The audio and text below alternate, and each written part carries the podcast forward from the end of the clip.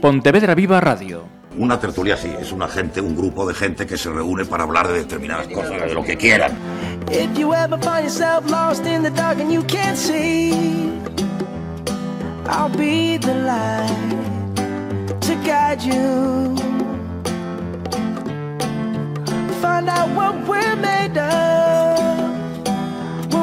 when we are called to help our friends in need. You can count on me like one, two, three, I'll be there.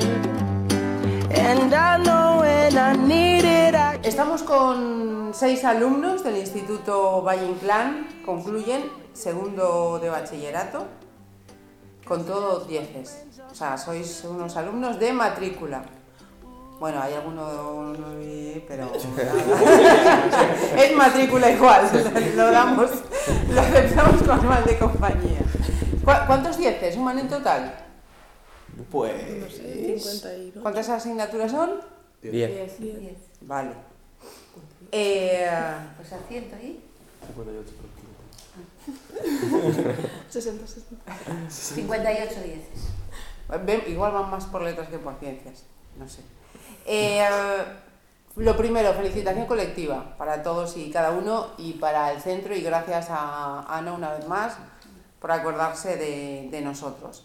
Os voy a pedir lo primero, en vez de ir presentando yo, que Ana me decía, te voy dando los nombres y digo, espera, yo prefiero que se vayan presentando, se vayan presentando ellos. Me decís cómo os llamáis y, y qué supone para vosotros ser una matrícula. Venga, te estoy mirando a ti el primero. te tocó. ¿Cómo no? Pues yo soy Pablo Lorenzo Cita. A ver, espera, vocaliza y si es posible, mira para ahí que se te escuche bien. Pues yo soy Pablo Lorenzo Mezquita y pues la matrícula pues supongo que supone un esfuerzo al trabajo con respecto a lo que es el sistema Ajá. en general, educativo. ujú. ¿Contento? Sí. Siguiente. Eh, yo soy Isabela Estevez y... Isabela Esteve. Sí. Y la matrícula pues supone eso, una recompensa para todo lo que hemos estado haciendo estos años. Si podéis subir un poquito el volumen para que os pille bien, vale. Una recompensa a todo lo que habéis estado haciendo estos años, no solo este último curso, sino A ver, la matrícula es de este año, pero Ajá. sin el trabajo de los anteriores pues tampoco lo hubiésemos conseguido. perfecto. Vas a tener que subir más todavía el volumen. Eh, yo soy Laura Vázquez y para mí la matrícula es un orgullo tanto para mí como para mi familia porque es un reconocimiento a el buen trabajo y que sirve ya de cara para tener eh, una impresión buena de cara al año que viene. Ajá. Eh, yo soy Pablo Rivas y para mí la matrícula eh, también significa un- una recompensa por todo el trabajo de los años, pero lógicamente pues es lo que decía Laura de que sirve para tener una buena imagen en un futuro y también que hay una recompensa económica también por llevar la matrícula. Ajá, es- eso también estaba anotado, a ver si eso lo teníais en cuenta, efectivamente. Eh, mi nombre es Ramón Rodríguez. eh, bueno, y para mí la matrícula es pues un reconocimiento al trabajo diario, al esfuerzo y a las ganas de, sobre todo a las ganas de aprender y, y de seguir mejorando. Y bueno, yo creo que al final pues refleja lo que hemos hecho eh, durante todos estos años y lo que hemos aprendido. Pues yo soy María Méndez y para mí... María Méndez. Sí, más o menos lo mismo que el resto, también significa una recompensa y un orgullo. Y sí que es verdad que nos van a dar una recompensa económica por esto, entonces pues aún mejor. Bien. Y para Ana Santos, eh, tener, me he enterado ya que son la élite. Bueno, la élite se les llamó en su día cuando yo era la tutora en cuarto de la ESO. Entonces, estos seis alumnos precisamente pertenecían a esa tutoría y como tenían unos resultados estupendos, no solamente ahora en segundo bachillerato, sino también en cuarto de la ESO y seguramente en tercero, pues entonces eh, tuvieron el apelativo ese de, de la élite. Para mí es un orgullo como profesora, además sabiendo que me jubilo yo también este año, pues con muy buen sabor de boca saber que me jubilo con la mejor promoción que, que tuvimos. Sí, señora. Bien, eh, ahora no esperéis a que yo os diga uno por uno, sino que esto sea así una, una charla entre todos. Em, el hecho de conseguir estas notas, de terminar el bachillerato con este reconocimiento curricular y en un contexto que sois excepcionales. O sea, es la primera vez que todos vivimos esta situación, pero en vuestro caso os ha pillado además en un curso muy importante. ¿Cómo ha sido ese hándicap de las clases suspendidas, tener que organizaros en casa? ¿Cómo, cómo lo habéis vivido? Bueno, yo creo que Su- subid la voz, ¿eh? Por favor. Yo creo que más que nada fue pues una prueba a nuestro trabajo diario. O sea, si éramos capaces de organizarnos y llevar las cosas día a día y hacer pues todo lo que nos iban eh, marcando los profesores, pues no íbamos a tener problema. Pero sí que es cierto que a veces necesitabas ese contacto con el profesor directo en, en el día a día para, para poder pues resolver dudas, aprender digamos de una forma más, más amena. Ajá. Venga, no esperéis. Y os diga, contadme. Vale, eh, pues yo creo que más que nada nos sirvió para ver un- una manera distinta de aprender, porque al, como decía Ramón, al no haber ese contacto eh, di- directo con el profesor, tuvimos que utilizar otros medios como pueden ser las clases virtuales o vídeos mismo de YouTube, pues fue como aprender, o sea, lo que teníamos que hacer era ser innovadores, o sea, no sé, era acostumbrarse a una nueva manera de trabajar. De aprender, claro, lógicamente. A ver. Uy, qué callados. eh, algunos profesores sí que pusieron más de su parte que otros, pero la mayoría de ellos nos ofrecían tareas voluntarias para poder subir la nota y se nos facilitó bastante y tampoco se nos recargó mucho de trabajo, la verdad. O sea, Ajá. se llevó bien.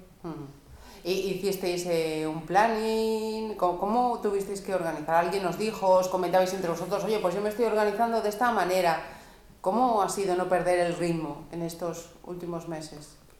Pues yo creo que fue un poco eh, ir eh, día a día como superando diferentes, pues eso, o sea, ir eh, viendo lo que tenías en el aula virtual básicamente eh, cada día, si tenías ejercicios de X materia y si tenías pruebas pues para los siguientes días.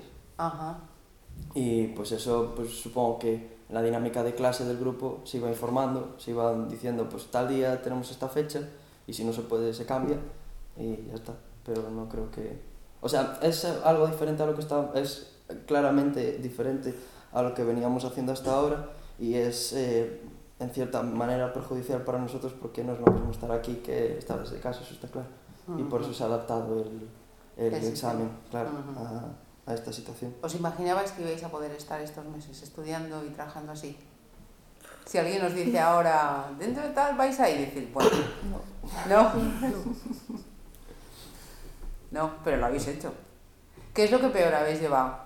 El no ver a los compañeros, el estar eh, con los mayores en casa metidos ahí todo el tiempo, ¿qué es lo que peor habéis llevado? Bueno, un poco todo, porque adaptarse a la situación en sí, porque son muchos cambios en muy poco tiempo, que tampoco sabemos cuánto van a durar ni nada, entonces pues es día a día levantarse y ver que eh, pues aún se a- atrasa 15 días o aún no se sabe nada o no sé, un poco el estrés ese de todo. La incertidumbre. Claro. Bueno, yo igual que Isabela, al principio era no saber qué iba a pasar y había que acostumbrarse a una vida nueva que al final tampoco sabíamos al principio qué iba a pasar con la Sabau, ni con la vuelta a clase, ni con nada. Y claro, se nos estaba como desmoronando una idea que llevábamos muchos años, bueno, muchos años, los últimos años creando. Y Ujú. luego cuando ya te habías hecho la idea, pues para mí lo más duro fue no poder salir de casa y tener que estar todo el día, o sea, era todos los días levantarse y hacer lo mismo. Eh, la falta, esa falta de contacto físico, de, de estar a diario viéndose entre, entre vosotros, ahora que habéis vuelto, ahora que ya podéis estar físicamente eh, viéndos, eh, ¿os ha reforzado o ha debilitado la- las relaciones entre vosotros? Bueno, yo creo que nos ha reforzado, porque más que nada ansiábamos poder, o sea, ese reencuentro. Entonces, pues creo que al final, pues seguíamos manteniendo la, pues, la relación mediante WhatsApp o cualquier red social, incluso haciendo ll- videollamadas que se han puesto muy de moda. Ujú. Entonces, pues yo creo que ahora que podemos ya quedar, pues ha sido como, bueno, el reencuentro, todos ahí intentando hacer planes, intentando, pues, disfrutar de, de esta nueva normalidad que al final, pues hace unos meses te decíamos, jova, que la echábamos de menos. Ujú. Otra cosa más, eh, hoy termina las clases, el curso, pero vosotros tenéis esa prueba fundamental que además durante, lo decías, durante el confinamiento hemos estado los medios hablando mucho qué va a pasar, qué no va a pasar, cómo se va a organizar, cómo se va a hacer, cómo no se va a hacer. Eh, ¿Cómo estáis eh, preparando, afrontando la, la EBAU? ¿Qué es lo que más os preocupa? No sé si es tanta gente junta, eso os da igual, lo que os preocupa es el examen en sí. ¿Cómo lo estáis viviendo y preparando? Mm, A mí lo que más me preocupa en sí es el examen. Ujú. Supongo que las condiciones eh, higiénicas y clínicas van a estar eh, correctas. Pero luego, o sea, yo lo que peor llevo es que como con la cuarentena yo perdí completamente el ritmo de trabajo. Lógicamente se pierde mucho el ritmo. Y además con la nueva normalidad, como decía Ramón, ahora es volver a vernos después de 50 días y tienes que ponerte a estudiar otra vez sin salir de casa, cuando se supone que ya habríamos acabado selectivo. Entonces para mí eso es lo peor, volver a, como a recuperar ese ritmo que dejamos en marzo y jugarnos todo en un examen que es la primera vez que se hace así, que hubo un montón de cambios. entonces, Ujú. A ver, ¿qué más? ¿Cómo lo veis el resto? Sí, más o menos igual que Pablo, porque sí que es verdad que se nos facilitó el examen, se nos quitó materia, eh, puedes escoger más opciones, pero al haber perdido el ritmo de estudio estos meses, te encuentras con una cantidad de materia considerable que tienes que prepararte en tres semanas y no tienes ese ritmo que tenías antes y cuesta más.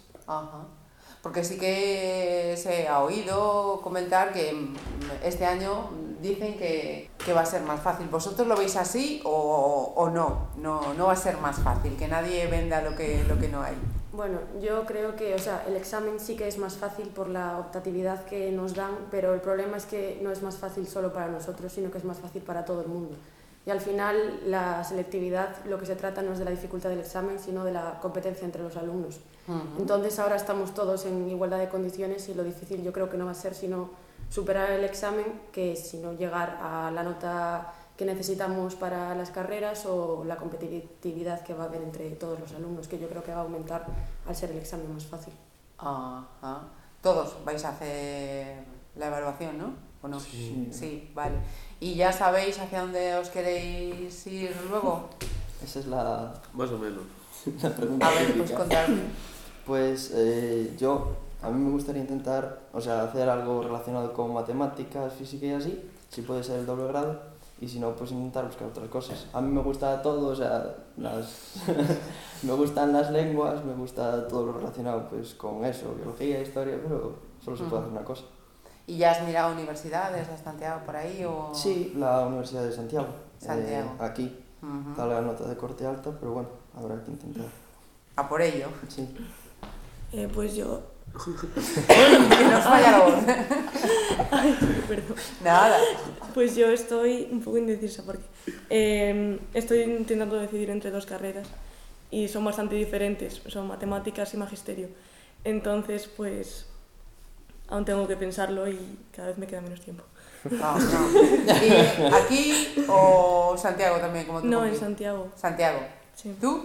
Eh, pues yo estoy más o menos como Sabela, que tampoco lo tengo claro todavía porque tengo varias opciones y también tengo que decidirme, pero una de las opciones podría ser biotecnología también en, en Santiago y si no en Madrid, otra carrera. O sea, en este momento además que me hables de biotecnología. Sí.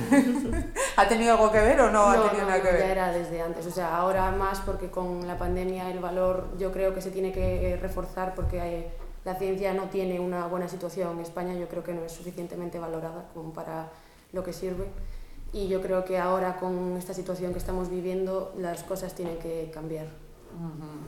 ¿Eres optimista? ¿Crees que van a cambiar? Eh, no lo sé, espero que cambien, pero no estoy segura de que vayan a hacerlo. Bien. ¿Y tú? Pues yo creo que también voy a estudiar matemáticas, porque aunque me gusten otras cosas, creo que es la que más me gusta, sobre todo por las salidas que puede tener, porque aparte de dedicarte a la docencia, pues también tiene salidas empresariales o con todo lo del Big Data, que también últimamente estuvo muy, Ajá. con todos los datos del coronavirus y tal, estuvo muy demandado, entonces como tiene tantas salidas, me llama mucho esa carrera. Bien. Se van a ir todos fuera, ¿eh, Ana? Sí, yo quería preguntarles, si me dejas. Sí, sí, por favor. Si influyó algún profesor para que tomarais la decisión de, hacer esa carrera.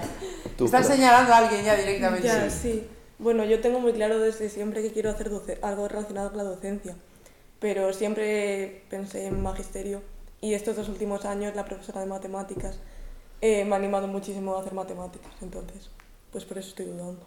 Ujú. Educación física no va a hacer nadie.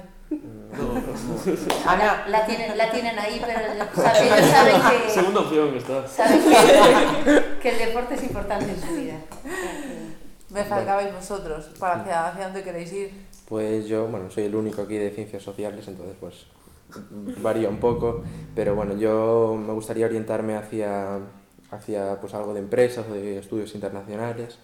Y bueno, estoy valorando la opción de, de irme al extranjero a estudiar fuera para, bueno, para reforzar los idiomas y porque tendría la posibilidad de, seguir jugando al fútbol, que es, pues al final, no soy profesional ni mucho menos, pero, pero sí que me gusta mucho, entonces pues podría seguir eh, pues compaginando deporte con, con estudios y creo que esa es una opción muy buena. Ah, ahí está. Este es. Eh, pues a mí desde siempre me gustó la psicología, pero debido a la escasez de salidas, pues intenté buscar otro camino que me aportase más posibilidades y supongo que intentaré entrar a medicina en Santiago también y luego encaminarme pues tal vez por la rama de neurología o psiquiatría. Ajá. ¿Y medicina te reforzó esta situación o no tuvo nada que ver? No, ya venía de antes. Ya venía de antes. Bien, eh, la universidad, ¿os la imagináis eh, también a distancia? ¿O no? No. Nunca más. Esperemos que no. No. o sea, yo creo que la ventaja de la universidad es hacer la vida, o sea, es independizarnos por primera vez, vivir solos, tener vida universitaria. Entonces, ya llevamos un año aquí con la cuarentena, ahora no. No, necesitamos vida, necesitamos salir, necesitamos relacionarnos. Sí. Bien. Eh, ¿Quién sabe de aquí cuánto os va a reportar esta matrícula, estas matrículas en la matrícula de la universidad económicamente? No. ¿Habéis hecho El números? primer año entero. El primer año, la matrícula del primer año solo. Ajá. ¿La matrícula, matrícula completa? Creemos. Sí, creo que es la matrícula del primer año, creo que sí. Vale, bien. pero no... Vale, vale. vale. Eh, yo también quería preguntaros, nos queda poquito tiempo antes de que vayáis a De la graduación a le tienes que preguntar, porque ¿Va a haber? por No, eso no tienes que tenemos. preguntar. Una ahí. crítica ahí. a- Ah, pues venga, venga, vamos, venga. Aquí eh, se habla de todo. Ahí es donde tenéis que hablar para que se entere todo el mundo. Venga, a ver, Eh, cuenta. Pues nos hemos quedado sin graduación, a diferencia de otros centros, y pues lógicamente estamos muy Triste. tristes, decepcionados al ver que otros centros sí que tienen graduación y nosotros nos tenemos que resignar a no despedirnos como tal y eso, y no tener una despedida de los compañeros con los que llevamos seis años juntos.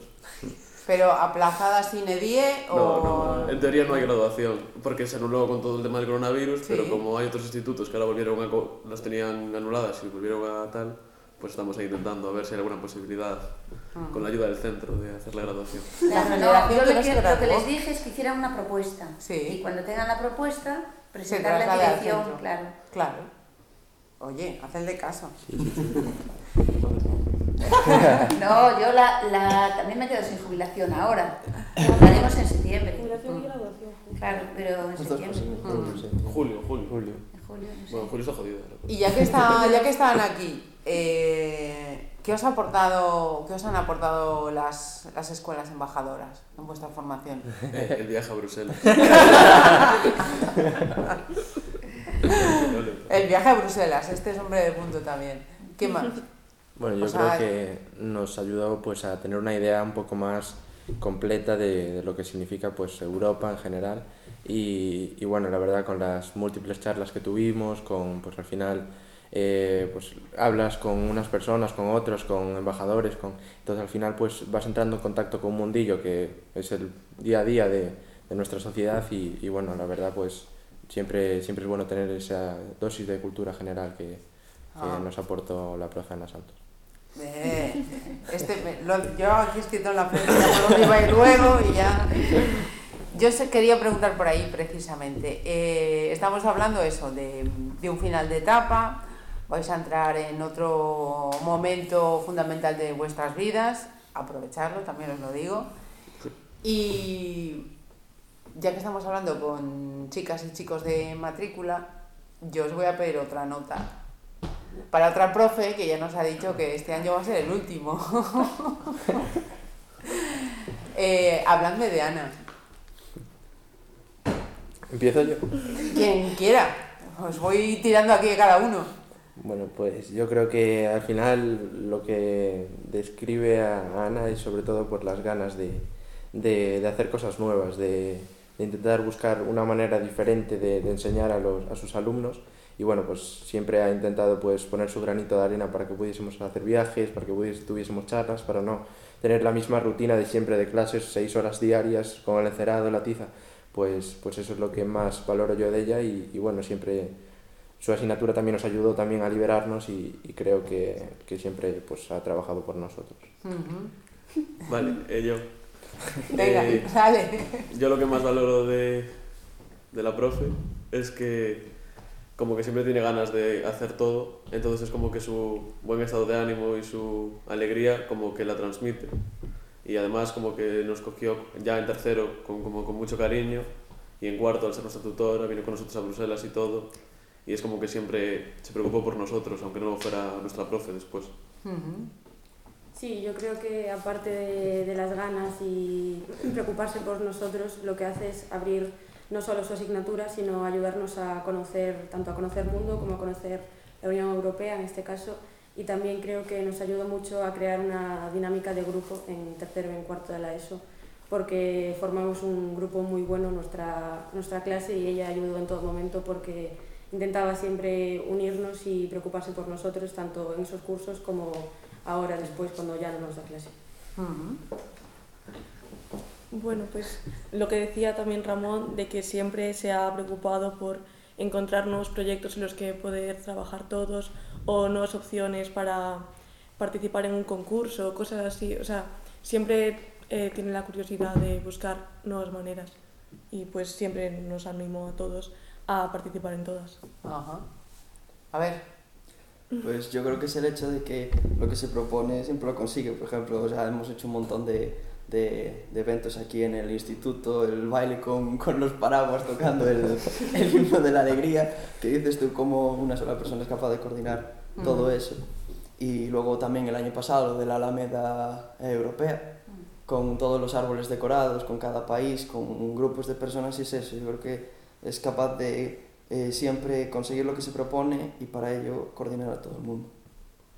Pues sí, básicamente lo que dijeron el resto, que lo que tiene Ana es que es muy inconformista y siempre ha intentado pues, proponernos nuevas ideas, eh, animarnos a aprender más, nos ha llevado de viaje y se ha preocupado por nosotros tanto en el ámbito escolar como en el extraescolar. De hecho, tenemos hecho cenas con ella y con muchos profesores y la verdad es que sí que nos ayudó mucho a unirnos como grupo y uh -huh. aunque no tengamos graduación este año, pues yo me quedo con la cena esa, como si lo hubiese sido. Pues fíjate lo que acaba de decir, lo que se propone lo consigue. Yo creo que esa es una lección que tenéis por delante, no solo académica, sino de vida. O sea, que lo que os propongáis, si os lo proponéis si queréis. Sí, ya le dije que yo tengo el grupo de ellos, los tengo en el teléfono, que cualquier cosa ya los aviso para, si hay algún, programa así en el extranjero o aquí, ya me los llevo. Sí, porque sí. sé que puedo contar con ellos. Uh -huh. Pues os voy a dar las gracias por esta charla, por haber dedicado vuestro tiempo a Pontevedra Viva, que tengáis mucha suerte en la, en la EBAU, que consigáis esas matrículas, que os vaya muy bien. Aprovechar, insisto, aprovechar esa nueva etapa en vuestra vida que, que se os pone delante. Y Ana, te lo digo públicamente, muchísimas gracias porque desde el primer momento no es que nosotros te buscáramos a ti, es que te pusiste en contacto con nosotros y desde el primer día nos has estado facilitando infinidad de, de cuestiones súper chulas. Muchísima suerte también para ti en esta nueva etapa, que sé seguiremos, que no vas a parar. Seguiremos, seguiremos ahí. Yo os llamaré, el contacto lo tengo. Muchas gracias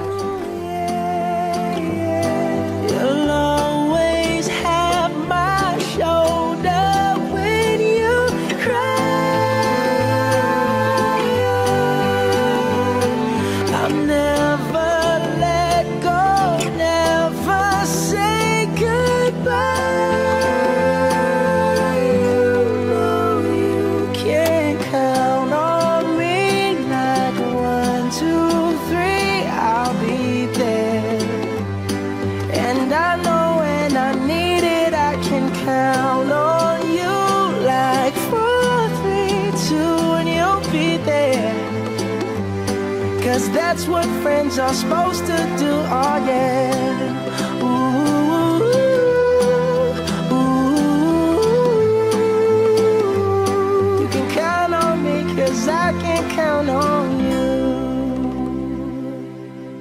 Pontevedra Viva Radio.